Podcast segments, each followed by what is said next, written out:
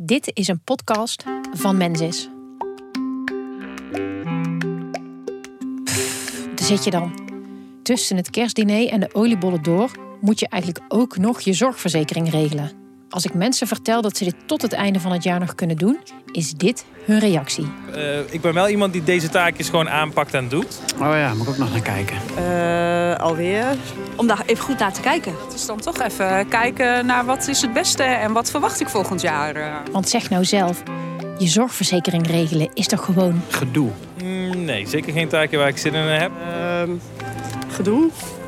Deze week goed en vlot je zorgverzekering regelen. Ja, de meeste klanten die, die, ja, die hebben uh, vaak andere dingen te doen en die zijn niet echt bezig met een zorgverzekering. Ben jij een luisteraar die volgend jaar niks wil wijzigen? Druk dan de stopknop in en kom volgende week terug voor de aflevering over jouw goede voornemens. Wil je echter nog wel wat wijzigen, maar weet je niet precies waar je op moet letten? Luister dan even verder, want ik heb navraag gedaan bij een collega. Ik ben uh, Peter, ik ben een servicemedewerker van Mensis. Overstapcoach met Peter, waarmee kan ik uh, De laatste ja, weken ben ik vooral ingezet om een pakketadvisering en welke pakket het beste bij hun past.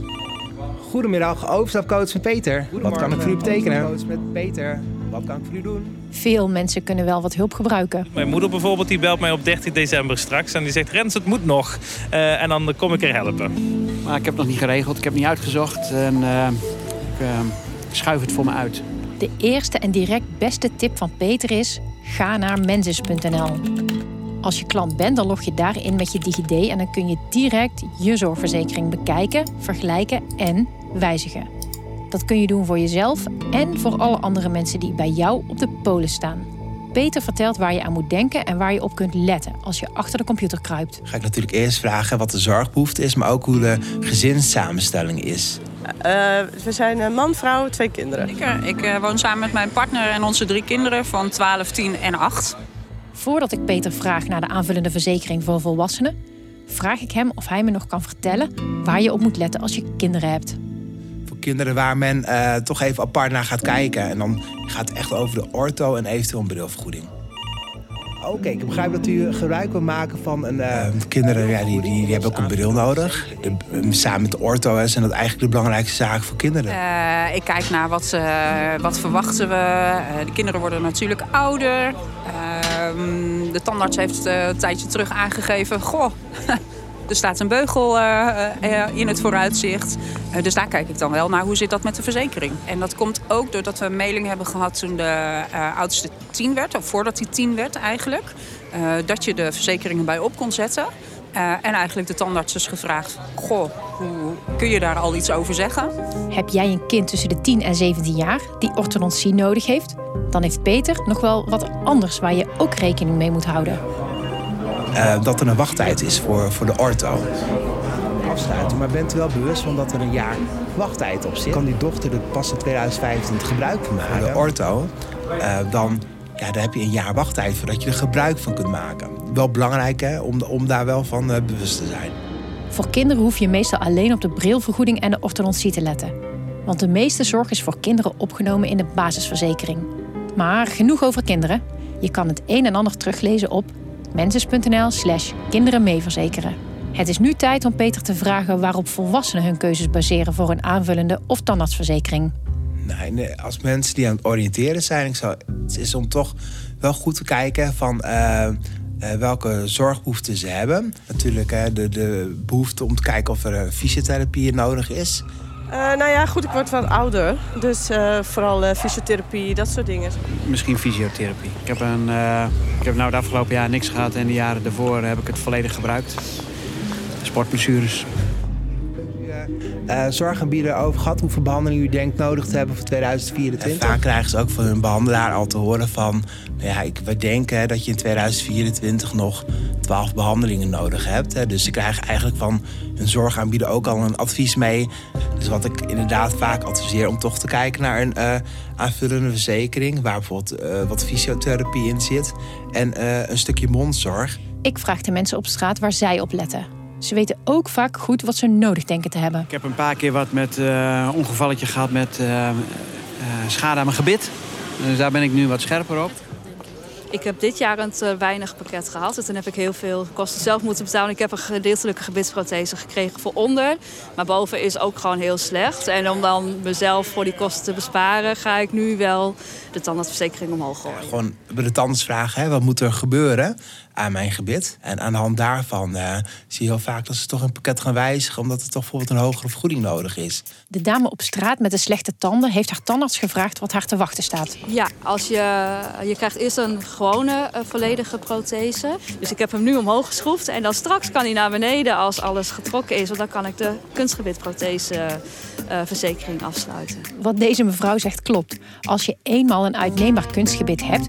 kun je kiezen voor een goedkopere tandartsverzekering. Maar uitleggen kan Peter beter. Dat je daar ook een volledige gebitsprotheseverzekering voor kunt afsluiten. En de premie is vaak een stuk lager dan een gewone tandartsverzekering... Uh, waar je eigenlijk op dat moment ook weinig meer aan hebt. Peter vertelt me dat je het beste even met hem of een van zijn collega's kunt bellen om je goed te laten informeren hoe dat precies werkt. Peter adviseert sowieso om goed na te denken hoeveel tandartskosten je volgend jaar denkt te gaan maken. Want misschien heb je niet alles nodig. Andersom natuurlijk ook. Hè, dat klanten uh, uh, van de tandenstore krijgen... joh, je hebt zo'n duur pakket hè, voor een vergoeding waar je geen gebruik van maakt. Uh, bel dan even met de zorgverzekeraar om te kijken of je een tandje lager kan. Een tandje lager, daar houden we allemaal wel van. Maar wat nou als je chronisch ziek bent en je zorgverzekering geen tandje lager kan en je vooraf zelfs al weet dat je al je eigen risico aan het begin van het jaar moet betalen? Vaak zien met chronische zieken die, die ons bellen, die, die geven toch vaak ook wel in het gesprek aan dat ze het eigenlijk ook niet, niet eerlijk vinden dat ze die eigen wettelijke eigen risico eh, moeten betalen. Eh, ik, ik, snap het gevoel natuurlijk. Hè. Ik bedoel, als je elk jaar 385 euro een eigen risico moet betalen. Uh, in een, door de situatie waar je zelf niets aan kunt doen, snap ik echt dat het heel erg zuur is. De dame op straat vertelt dat haar partner het eigen risico ieder jaar opmaakt. Als mijn man in januari naar het ziekenhuis moet om bloed te laten prikken en vervolgens een week later op consult moet bij de reumatoloog, dan is het eigen risico al grotendeels gebruikt inderdaad. We natuurlijk al met hem mee te denken om te kijken van uh, hoe kunnen we het wellicht wel betaalbaar houden.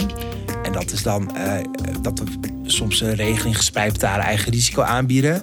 En dan kunnen ze in tien termijnen mogen ze uh, het eigen risico vooruit betalen. Ze weet ook dat je het eigen risico gespreid kunt betalen. Ze kan me precies uitleggen hoe dat werkt. Nou ja, we zitten nu al in dure periodes, dus dan is het handig om gewoon gespreid betalen eigen risico te doen. Dan verspreid je het mooi over uh, tien maanden en dan ja, heb je er eigenlijk geen last van.